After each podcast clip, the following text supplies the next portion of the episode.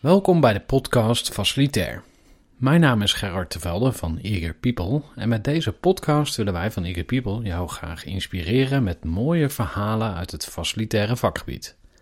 In deze aflevering kun je luisteren naar een interview dat is opgenomen op het World Workplace Meets Facility for Future event dat plaatsvond in Amsterdam op 20, 21 en 22 maart 2019.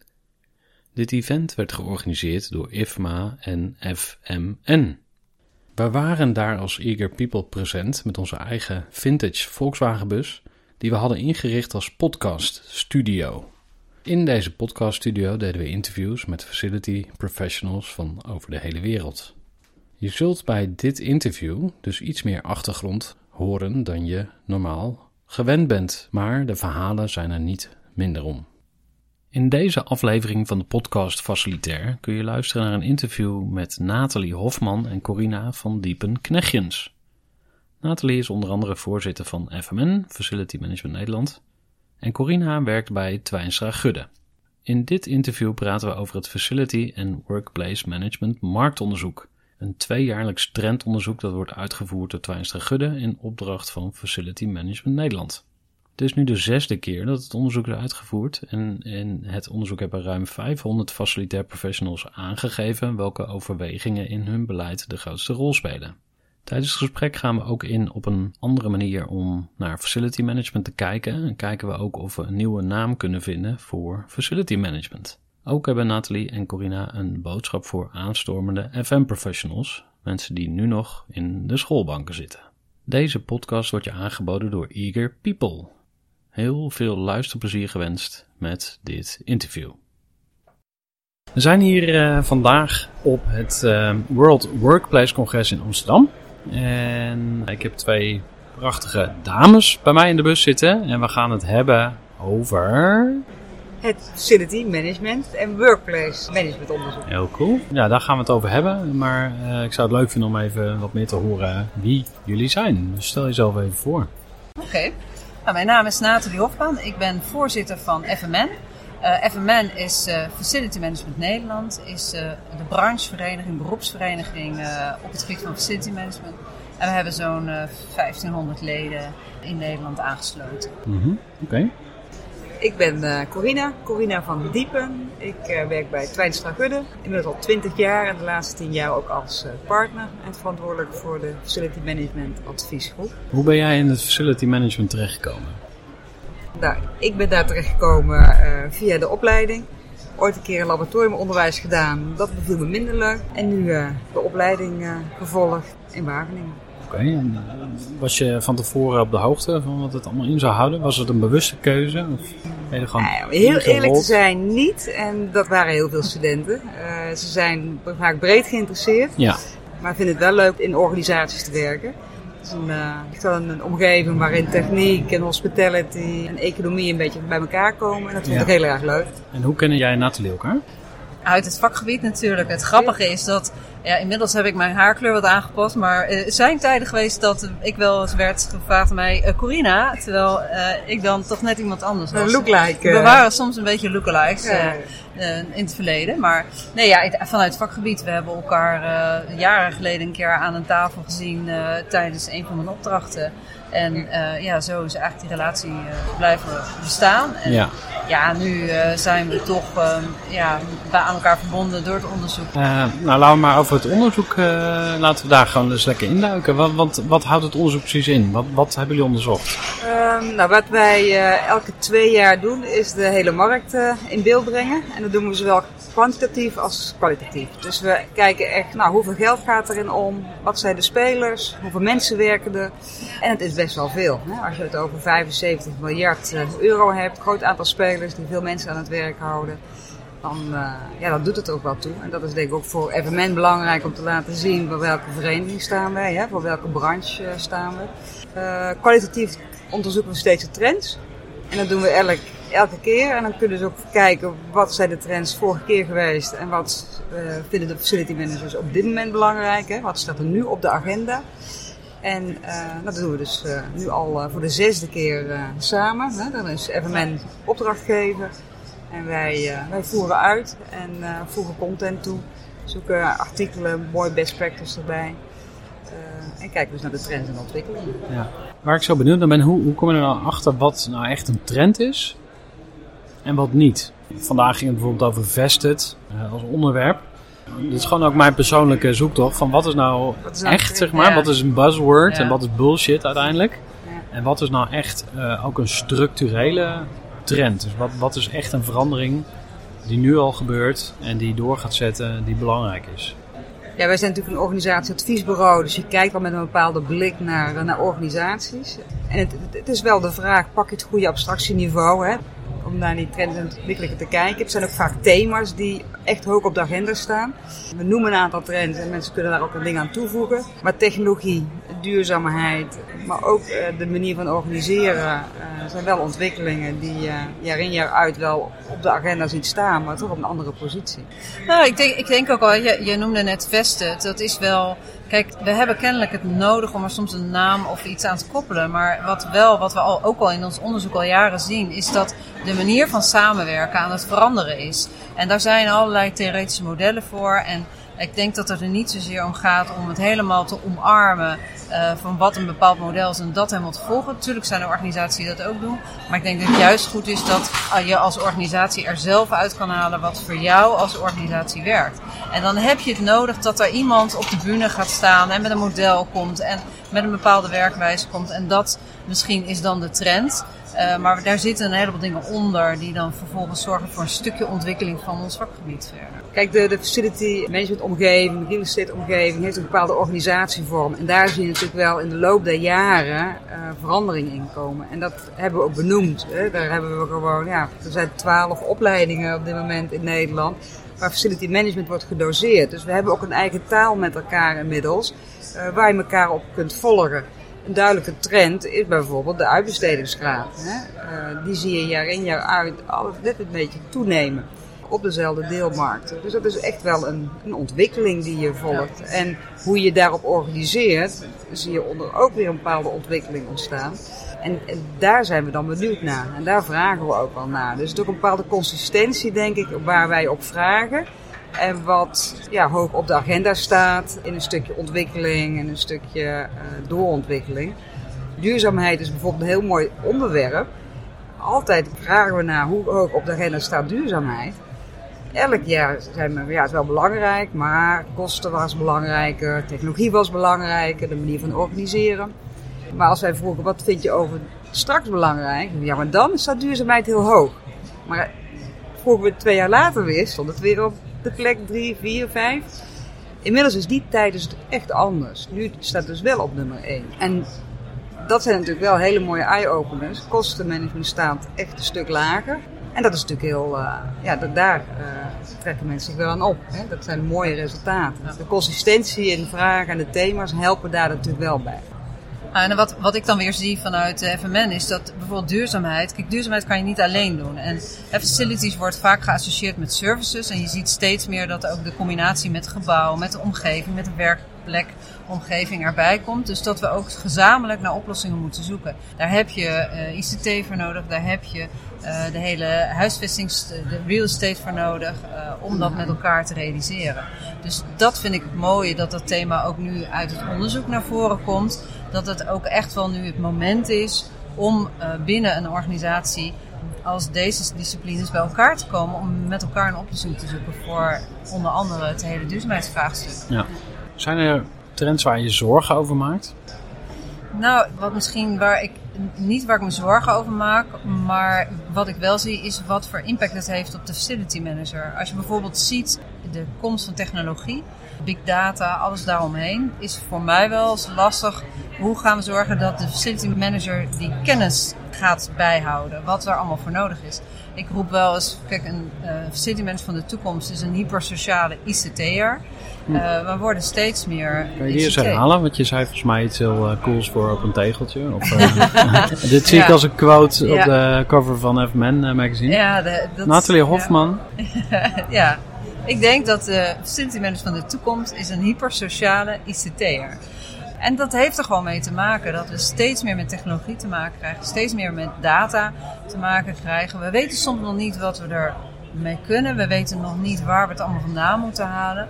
Maar we moeten het wel steeds meer managen. En uh, het vraagt veel meer van ons dan vroeger, waarin de facility manager meer een doener was. Die gewoon zijn handen uit zijn mouwen stak en aan de slag ging. En nu gewoon vraagt van hem om te snappen hoe ja, een gebouw werkt, hoe ICT-netwerken werkt, hoe uh, alle datacollectie uh, werkt, hoe we om moeten gaan met privacy. Dus het vraagt heel andere dingen van uh, nou, Ik denk, ja, ICT, IT, maar dat geldt eigenlijk voor elk bedrijf. Hè. We moeten allemaal onze IT-kennis of uh, onze IT-samenwerkingspartners zien te vinden. Ik denk dat inderdaad facility manager profiel echt aan het veranderen is.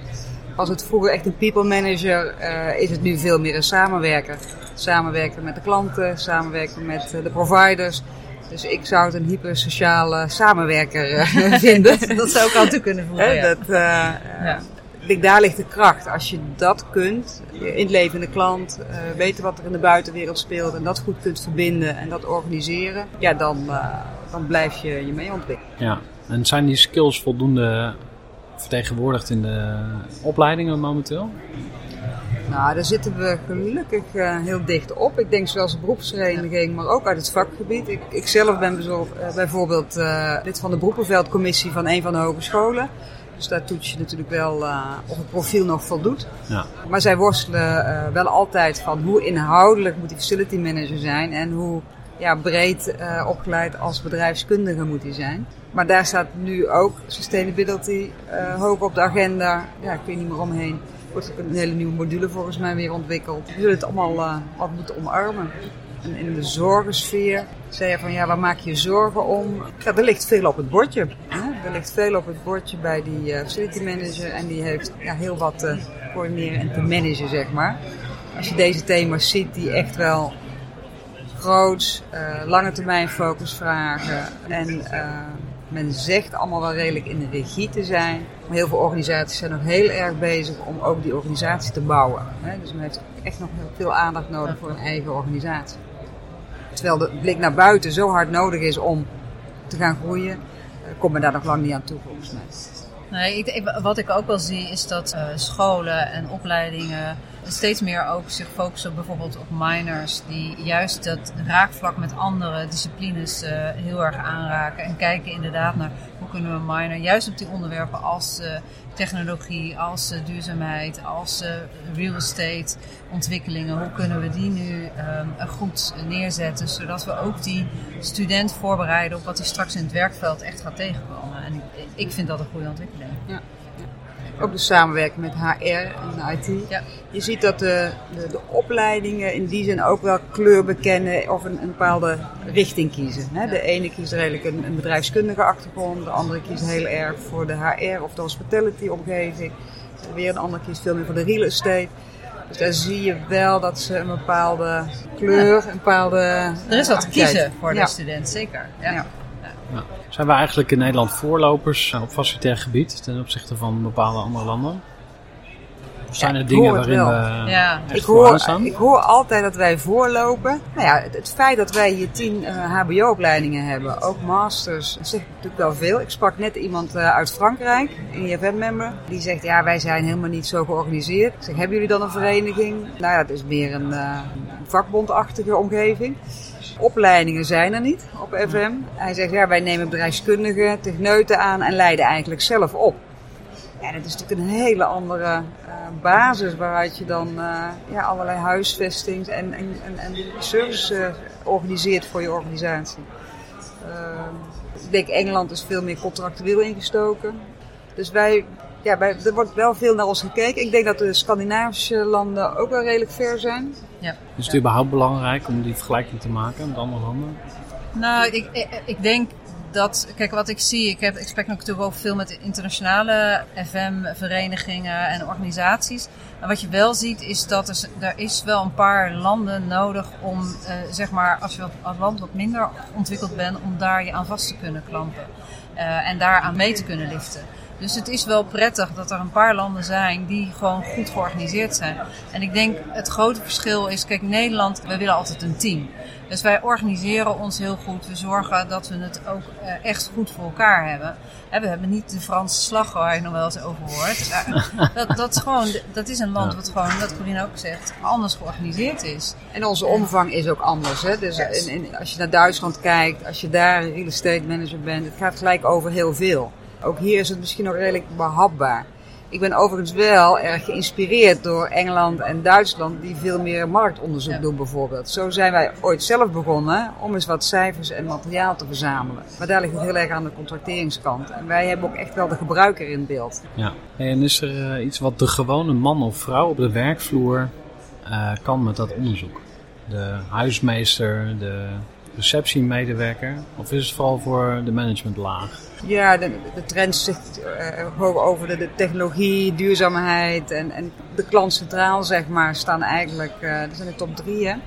Natuurlijk kun je ze daarmee inspireren. Dus ik denk dat die er ook iets mee, zeker mee kunnen. Hè. De gebruiker moet het uiteindelijk merken. Zeg ik wil het zeggen, ik denk dat zij vooral het, resultaat gaan, uh, gaan merken, het product ervan. Dat, dat vooral als facility afdelingen moeten we hiermee aan de slag met wat er uit het onderzoek komt. Ik denk dat merken wij ook bijvoorbeeld vanuit FMM. We krijgen veel vragen vanuit de markt, maar ook van bijvoorbeeld mensen die niet in de facility management organisaties zelf werken, die op zoek zijn naar onderzoeksresultaten om mee te nemen in hun plannen. En door dit onderzoek kunnen we juist ook zorgen dat de facilitaire organisaties beter gevoed worden, beter zien wat nou de potentiële onderwerpen zijn in de markt. Uh, dat mee kunnen nemen naar hun eigen organisatie. En uiteindelijk de eindgebruiker gaat merken dat daar dus dan aandacht voor is. En je ziet dat terug in zijn werkomgeving. Het is wel leuk dat uh, die Fransman die ik net sprak, die vertelde mij van ja, ik mis dit soort onderzoek. Want ik denk ook dat dit belangrijk is, alleen ik kan het nooit echt onderbouwen. En, en dit onderbouwt eigenlijk het gevoel wat ik zelf heb. En dit helpt aan de ene kant gesprekken, hè, eh, besluitvorming uh, te ondersteunen. Waar naartoe gaan, wat belangrijk is. Dat is wel aardig. En ook de rol van facility management daarin. Kijk, voor iedereen staat duurzaamheid nu hoog op de agenda. Maar wat is daar de rol van facility management in? En wat is die rol dan? Zou facility meer een leidende rol moeten pakken misschien ook? Of? Verbindende rol, hè? ook in de samenwerking. En ook de vertaalslag maken van ja, hoe kan ik het in mijn huisvesting, in mijn services, maar ook met medewerker. En er worden nu echt duurzaamheidsmanagers uh, aangenomen die een actieve rol krijgen in het echt uh, waarmaken van de ambities. En ik denk Facility heeft daar een ja, als je de energietransitie kijkt, als je naar de gebouwen kijkt. Ja. Nou, ik denk ook wel dat de, daar, daar, de tijd een beetje voorbij is dat we het Calimero-effect hebben van ja, wij als facility management tellen niet helemaal mee in organisaties. Ik denk dat dat. Zijn we daar overheen? Daar zijn we nog niet helemaal overheen. Ik denk dat het nog steeds wel speelt op, uh, op plekken. Maar ik zie wel gewoon steeds meer dat het gewoon wel zo is. Dat we wel in de boardroom zitten. Dat we echt wel aan de ontwikkeling van organisaties ook aan tafel zitten om mee te denken hoe het zou moeten, hoe we het beste uit de medewerkers kunnen halen. Uh, maar de, ja, er zijn wel organisaties die maar worstelen, waar vooral vanuit finance gemanaged en gestuurd wordt en niet vanuit wat kan facilities uh, inbrengen. Kijk, een opvallend resultaat eigenlijk bij uh, het onderzoek is duurzaamheid staat hoog op de agenda. Iedereen heeft er ambitie op. We willen er ook plannen op maken. Maar hoe we het precies doen, dat ontbreekt. Hè? Het concreet maken, daar ligt de grootste uitdaging. Nou, als je dan naar de facilitaire omgeving kijkt, het zijn doeners, het zijn aanpakkers. Daar denk ik dat ze zeker uh, Get it done, maar, ja. Ja. ja. Als je een ander woord mocht verzinnen voor facilitair, wat zou je dan kiezen? We kunnen daar eens over brainstormen. Ja, dat zou een... Uh... Nou, zeg dat eens, Corine.